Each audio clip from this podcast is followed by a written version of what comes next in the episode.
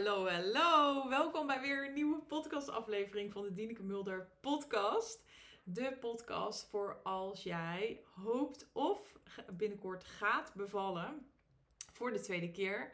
Maar je ziet er best wel tegenop omdat je ja, niet tevreden terugkijkt op je eerste bevallingservaring. Ik bedenk me net dat ik gewoon gisteren volgens mij helemaal geen intro heb gedaan van de podcast. Super grappig dat na een week um, niet podcasten ik er blijkbaar helemaal weer in moest komen bij deze. Ik heb hem nu weer netjes gedaan. Heel leuk nogmaals dat je luistert. Het is vandaag woensdagavond. Meestal neem ik mijn podcast um, overdag op. Um, maar vanmiddag is het niet helemaal gelukt. Uh, Daniel kwam iets eerder thuis. Patrick die haalt Daniel altijd woensdagmiddag op bij uh, oma, bij mijn schoonouders, bij opa en oma. En uh, ze waren ietsjes eerder thuis. En ja, eigenlijk ga ik dan nooit door met werken zodra Daniel weer thuis is. Want dan heb ik hem twee dagen niet gezien. En heel vaak valt hij in slaap in de auto en dan wil hij nog even bij mij op de bank verder tukken. Dus ik heb gewoon lekker bij hem op de bank gezeten en heeft dus inderdaad nog verder geslapen. En um, uh, dus toen ben ik iets eerder gestopt vanmiddag met werken. Toen dacht ik, oké, ik ga vanavond nog lekker een podcast opnemen. En ik ben nog even met hem naar buiten geweest net. Want hij viel dus in slaap. En als hij, normaal slaapt hij eigenlijk niet meer overdag. Maar als hij smiddags heeft geslapen, als hij wel eens slaapt. En dan meestal gebeurt het als je aan het einde van de dag met hem in de auto gaat rijden, valt hij alsnog in slaap.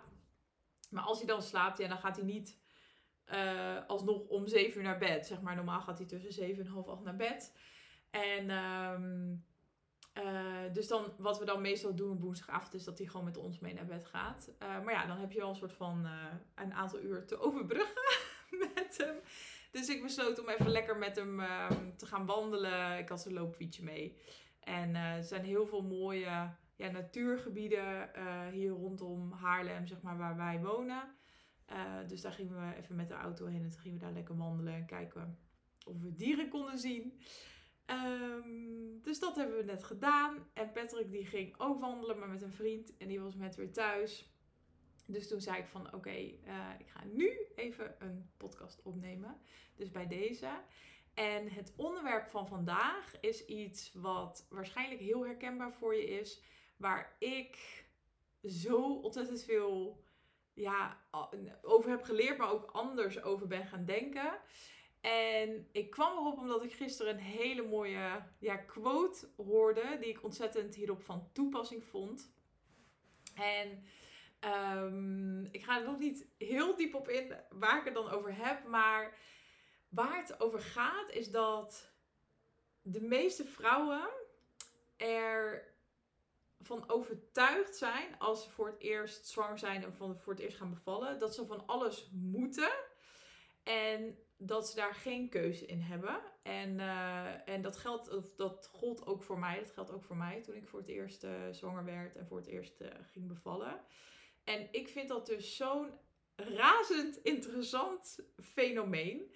Want um, ondanks dat er veel meer bewustzijn is op um, dat in principe niks moet, dat je tot niks verplicht bent want er wordt veel meer, uh, ook tegenwoordig veel meer kennis gedeeld ook op wat zijn je rechten nou als uh, zwangere en barende vrouw.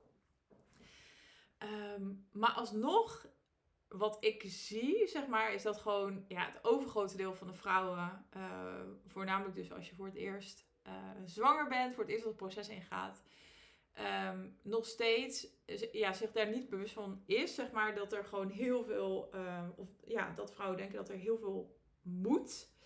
En, um, en ik heb zelf dit proces ook doorgemaakt. Alleen ik was me er dus niet bewust van voordat ik ging bevallen. Ik kreeg hier pas bewustzijn op na mijn bevalling. Toen ik me helemaal ging verdiepen in.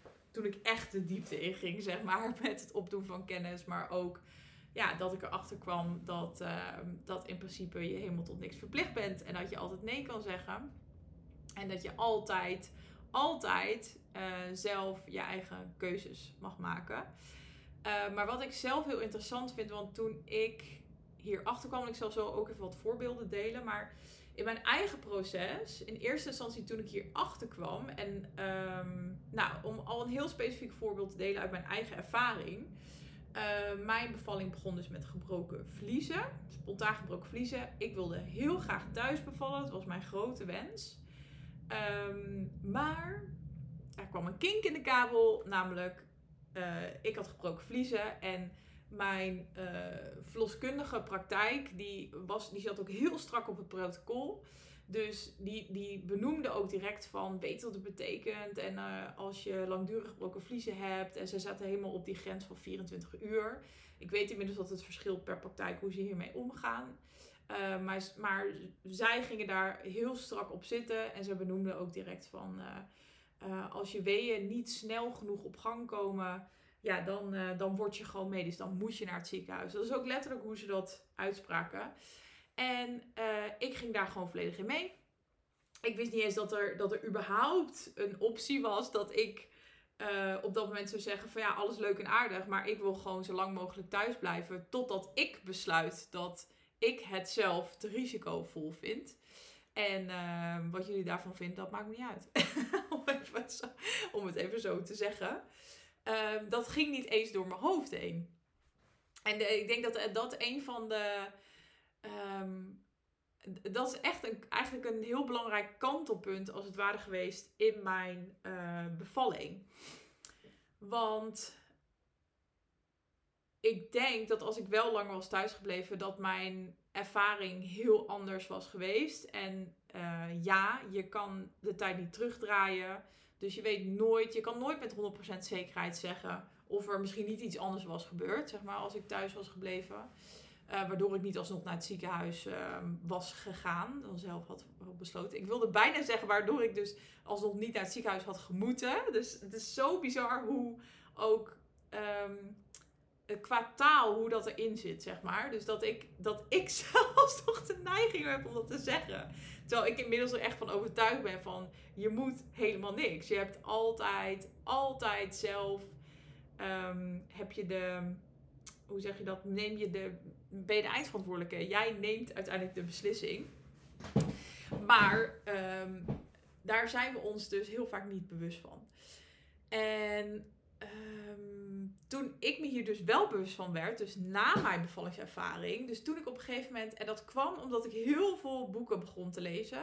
Dus, uh, dus voornamelijk boeken over um, hoe het geboortezorgsysteem in elkaar zit, wat de geschiedenis is van hoe wij vroeger bevielen en hoe we nu bevallen. Uh, dus hoe dat helemaal zo is gegaan. En ook um, nou ja, en ook door het lezen van die boeken werd ik me dus ook steeds bewuster van dat, um, dat je gewoon zelf dingen mag bepalen.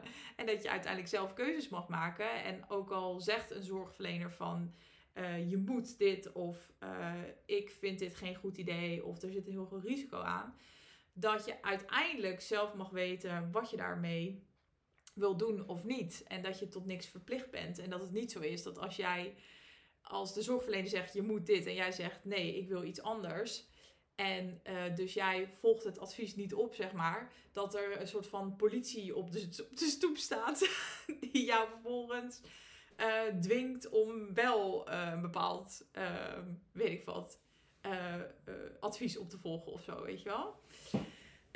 Um, dus daar werd ik me opeens bewust van. En wat er dan vervolgens bij mij gebeurde, is dat ik in eerste instantie best wel boos werd. Omdat ik dacht, waarom heeft niemand mij dit verteld? Waarom heeft niemand tegen mij gezegd... hey, je mag uiteindelijk altijd je eigen keuzes maken.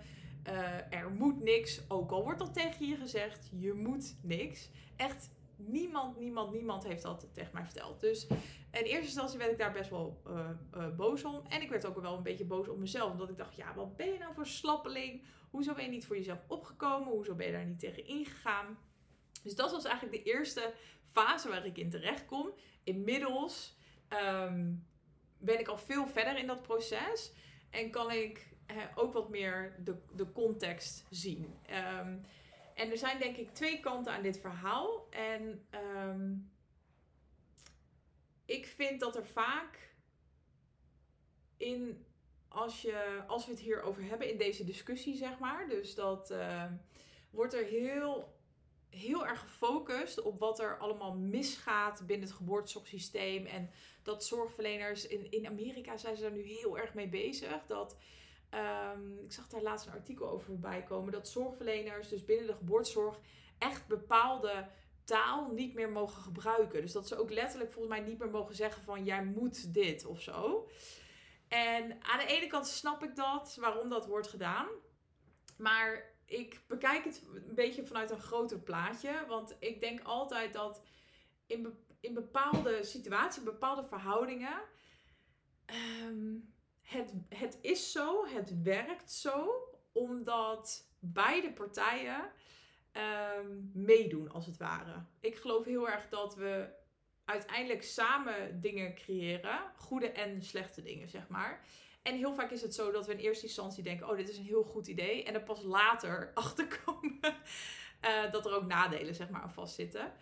En ik denk dat dat heel erg van toepassing is op um, ja, die, die verhouding van dat um, zorgverleners ja, heel sturend zijn. In de zin van dat ze soms ook letterlijk zeggen van ja, je, je, je moet dit doen of um, uh, je mag dit niet. Um, maar dat vrouwen daar ook massaal in meegaan. En aan de ene kant, als je kijkt naar de context zeg maar, van het geboortezorgsysteem, denk ik, um, na alle, alles wat ik zelf heb gelezen en het onderzoek wat ik heb gedaan, dat het heel erg te maken heeft. In, in de zin van, um, om de vraag te beantwoorden, waarom vertelt niemand dat tegen je? Want ik dacht echt na mijn bevalling, toen ik hier achter kwam, dacht ik echt, waarom heeft niemand mij dit verteld van mijn verloskundige praktijk? Waarom hebben ze gewoon niet letterlijk in die gesprekken gezegd van, joh, weet dat wij uh, vaak zeggen van je moet dit en je moet dat, uh, maar dat dat niet zo is. dat dat niet klopt, dat je altijd je eigen keuze mag maken. Niemand heeft dat tegen mij verteld. En ik dacht, ja, hoe fijn zou het zijn als iemand dat gewoon letterlijk tegen je zegt, dat gewoon benoemt.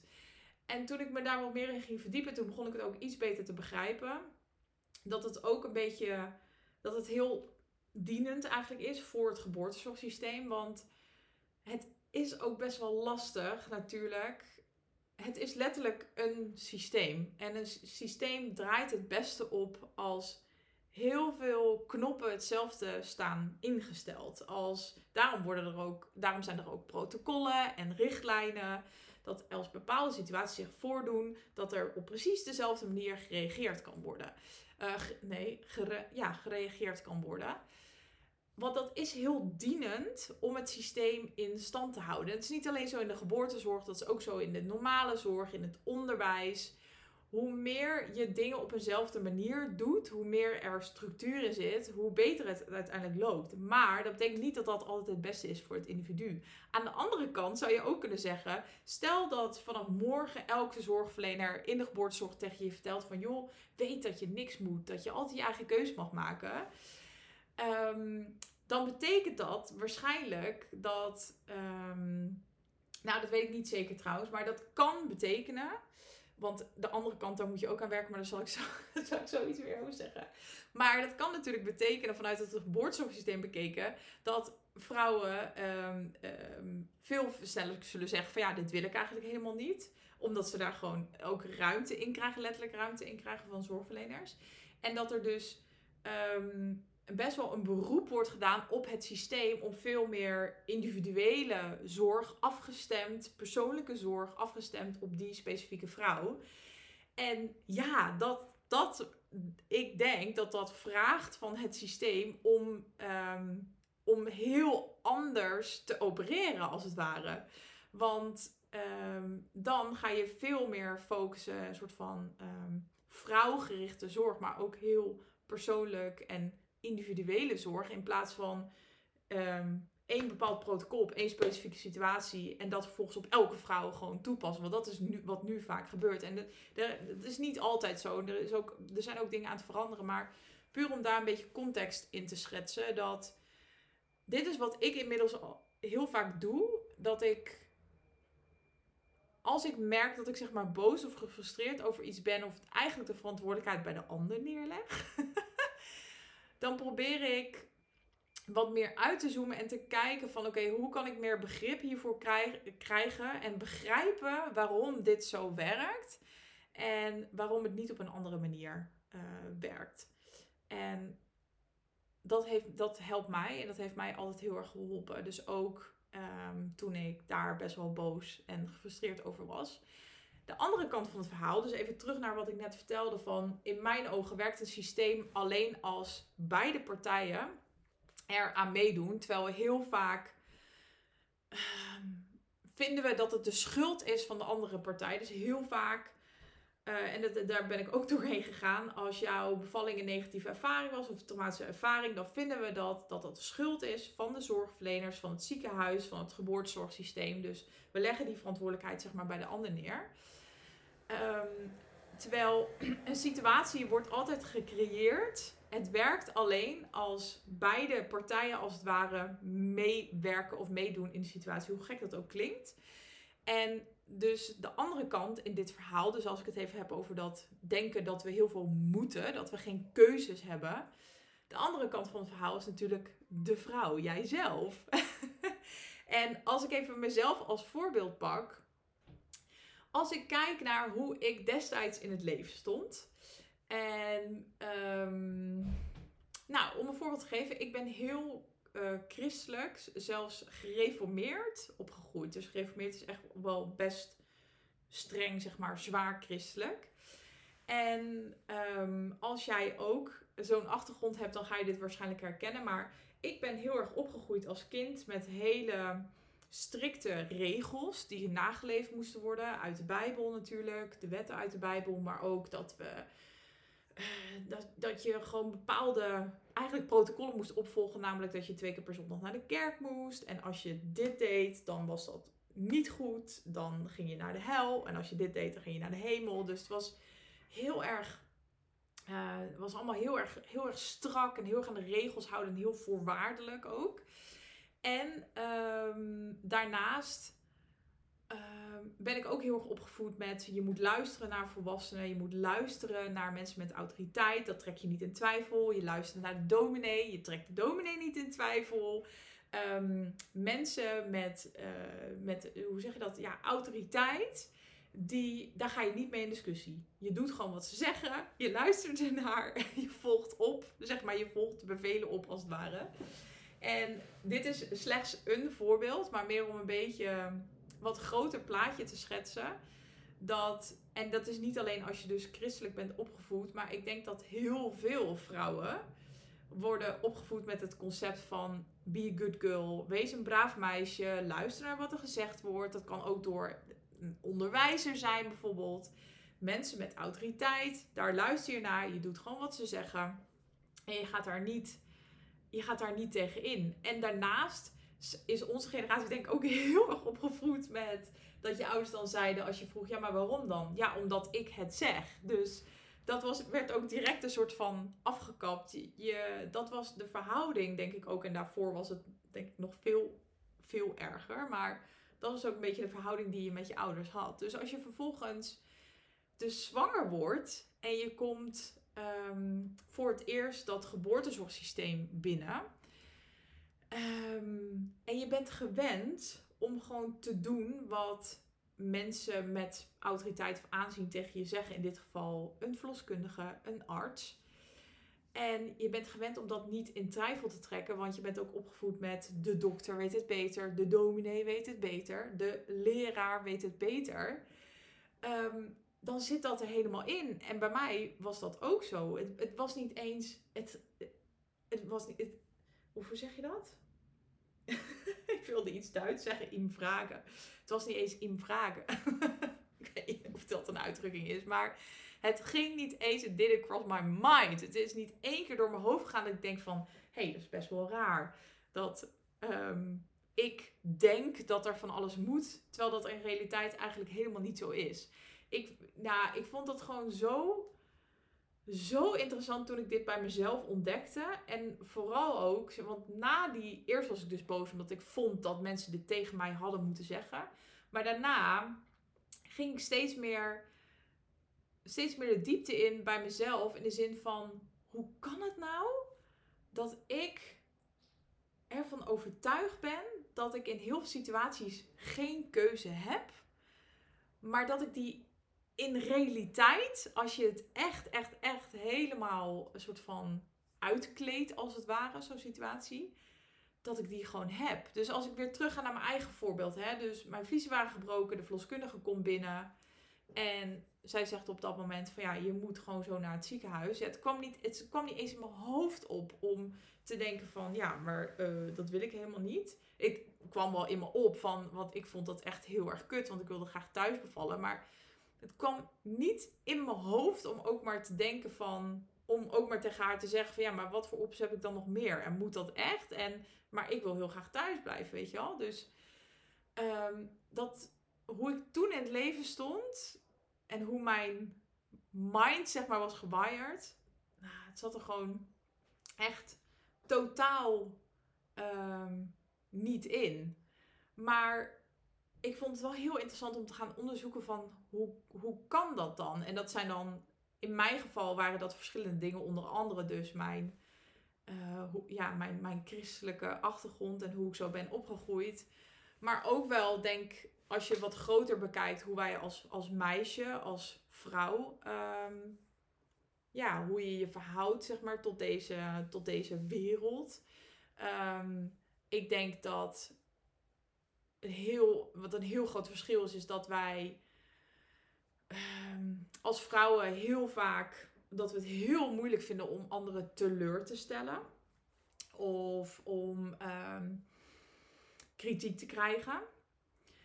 Heel vaak is het zo dat, vooral met bevallen, dat we niet eens.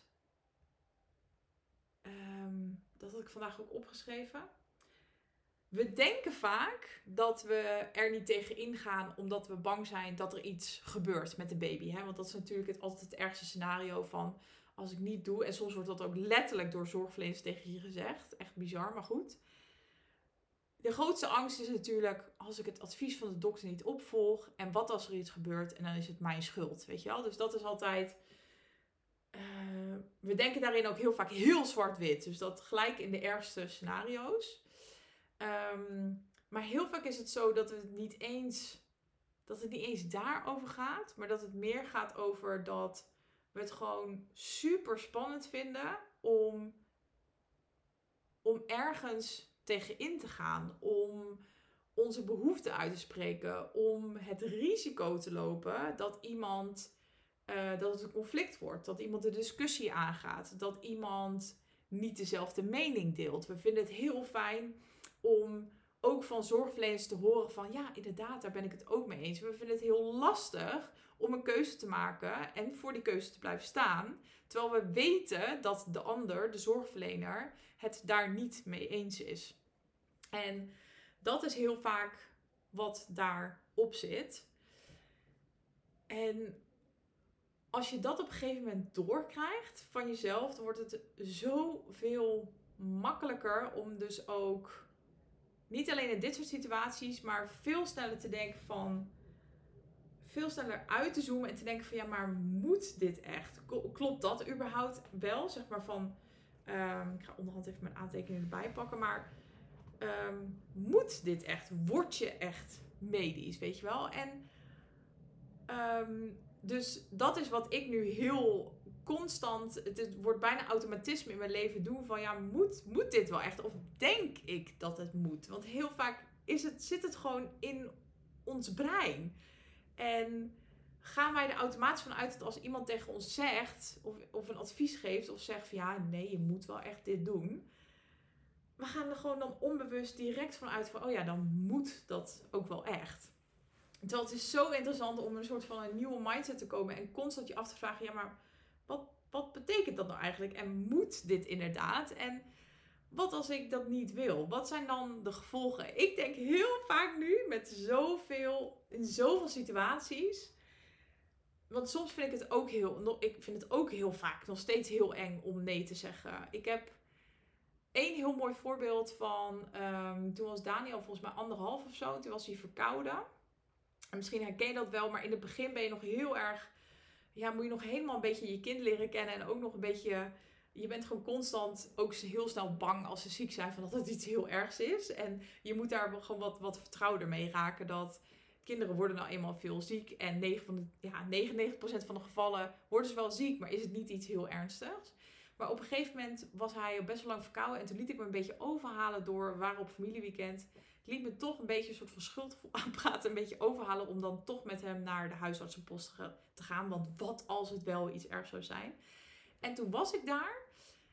En we waren dus ook heel ergens anders. Dus ik kende die arts ook niet. En toen zei ze van, eh, ja, ik weet het ook niet zo goed. Maar uh, ja, het zou wel een beginnende longontsteking kunnen zijn. En toen zei ik van, ja, maar weet je dat dan zeker of niet? Zei ze, nee, dat weet ik niet zeker. Maar nee, maar ik zou wel gewoon preventief antibiotica nemen.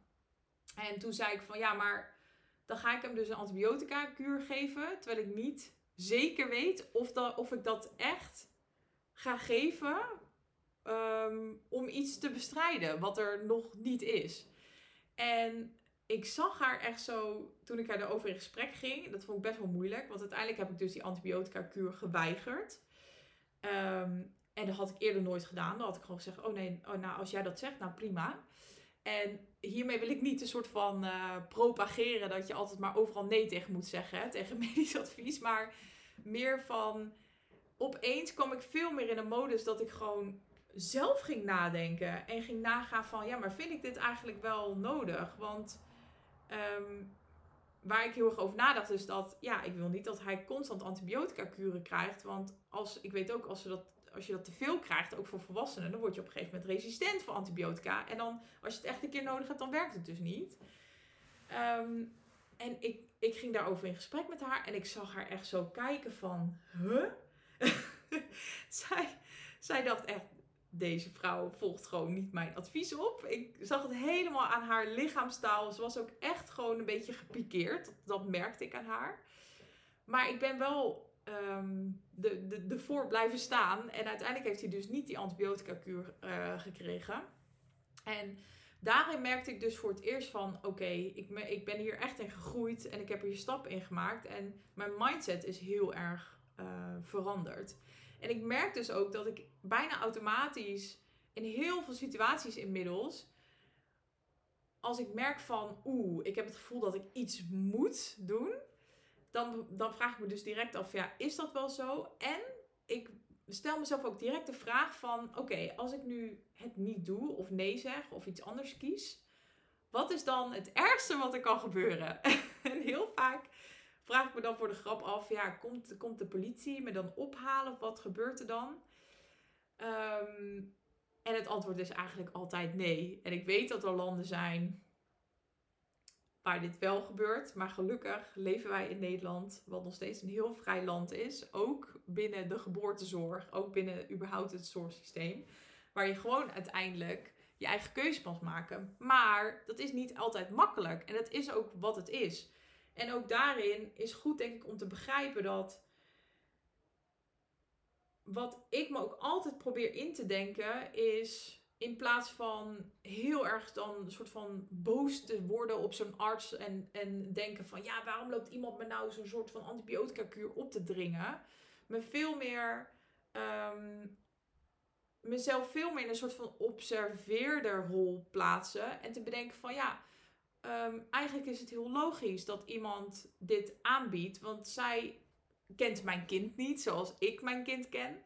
En zij probeert gewoon eh, de risico's te minimaliseren. Dus liever um, um, alvast die antibiotica kuur aanbieden voor het geval dat het een longontsteking zou worden. En nou ja, niet, ik denk niet dat iedere arts hierin hetzelfde in is, maar het werkt dus ook heel erg om je in plaats van een soort van boos en gefrustreerd op de ander te worden, juist je te gaan inleven en ook begrip te hebben. Maar ook na te gaan van ja, maar wat wil ik eigenlijk? In plaats van een soort van, ja, eigenlijk op automatische piloot, maar alle adviezen op te volgen. En dit is ook echt een proces voor mij geweest en het lukt echt niet altijd. Maar ik zie het zo ontzettend vaak terugkomen in. Um, ik geef regelmatig webinars. En als vrouwen zich aanmelden voor mijn webinars, dan uh, vraag ik ze altijd om een soort van formulieren in te vullen. Zodat ik een beetje weet van oké, wie zit er in een webinar? Wat, wat voor bevalling heb je gehad? Wat, wat hoop je eruit te halen? En dat is altijd super waardevolle input en informatie voor mij. En het is, ik vind het altijd zo interessant om te lezen. Ik zie er zo ontzettend vaak in staan. Dan, dan, dat, dat iemand letterlijk twintig keer het woordje moet heeft gebruikt. Dat, dat er gewoon letterlijk staat: ik moest ingeleid worden. Ik mocht niet over tijd gaan. En ehm, ik begrijp het echt, want ik dacht ook zo, zeg maar, vijf jaar geleden toen ik zwanger was. Maar ehm, nu, ik dat, nu ik dat zelf zo lees en me daar heel bewust van ben geworden, lees ik het met, natuurlijk met letterlijk met een heel andere bril. En als ik dat lees, denk ik: wauw, je moest dus weten, want dit zit uiteindelijk gewoon allemaal in jouw mind. Je moet namelijk helemaal niks. Alleen Ehm, jij zit nog in een mindset waarin je ervan overtuigd bent dat andere mensen uh, dingen voor jou bepalen, zeg maar. En dat sta jij als het ware toe. Dus dat is denk ik ook de vraag die ik voor je heb naar aanleiding van deze podcastaflevering. Denk eens terug aan je eigen bevalling, maar ook überhaupt in je dagelijks leven, in bepaalde situaties. In welke situaties denk jij dat je dingen moet doen? Kan ook zijn bijvoorbeeld met je partner. Daar zat ik ook vandaag nog over na te denken. Ik hoor vrouwen dat, ook vriendinnen zo, dat soms letterlijk zeggen. Ik zeg dat ook wel eens hoor, maar ja, mijn, uh, ja, mijn partner had het niet gedaan en toen moest ik het doen. en dat, dat vind ik altijd zo grappig, want wij vrouwen zijn zo goed in ons dan in een soort van slachtofferrol plaats van ja, maar ik moest dat dan gewoon doen, want anders werd het niet gedaan. Terwijl uiteindelijk heb je, heb je altijd een keuze en moet je helemaal niks. Ook in, in die situaties zit ik me ook altijd af te vragen: ja, ja, wat gebeurt er eigenlijk als ik dan niet um, stofzuig of niet de was doe? Wat is het ergste wat er kan gebeuren? Ja, dat, het, dat de rommel zich opstapelt en dat het dan een paar dagen niet gebeurt. Maar is dat dan echt het allerergste? Is niet zo dat de huishoudpolitie voor de deur staat en zegt: hey, jij hebt dat vandaag, is dat niet gebeurd? dus dat, nou ja, dit helpt mij altijd heel erg om te relativeren. Dus stel jezelf ook eens de vraag. En, en dit gaat je ook echt helpen met betrekking tot je tweede bevalling. Want dat is ook iets wat ik zo vaak lees. Dan, ik stel altijd de vraag van wat, hoe zou jouw droombevalling eruit zien? Als, als het allemaal, als al het andere even niks uitmaakte, hoe zou je het allerliefste Ehm, willen bevallen. En dan schrijft iemand op, ja, het liefst zou ik, en ze heeft dan een eerdere keizersnede bijvoorbeeld gehad, ja, het allerliefst zou ik, um, um, zou ik het liefst voor een natuurlijke bevalling, voor een vaginale bevalling willen gaan. Maar de gynaecoloog zegt dat het een, uh, een keizersnede wordt. En dat is zo ontzettend jammer, omdat je gewoon eigenlijk, als je dat opschrijft, dan denk je waarschijnlijk dat het gewoon echt uh, super onrealistisch scenario is.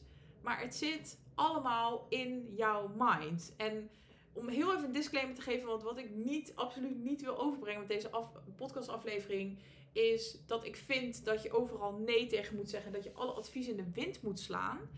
Maar uh, wat ik vooral wil overbrengen, is dat je zelf mag nadenken. en dat je echt moet gaan kijken en gaan onderzoeken van klopt dit wel? En wil ik dit ook echt? Helemaal oké dat die gynaecoloog aan het pushen is voor weer een keizersnede, maar wil ik dat ook? Of wil ik liever eerst vaginaal proberen en alsnog die keizersnede als optie houden? En wat daarin ook interessant is, dat ik ook opgeschreven, is dat er zijn vaak in het hele spectrum veel meer mogelijkheden, nog veel meer opties dan die gegeven worden en dan die, waar, die wij denken.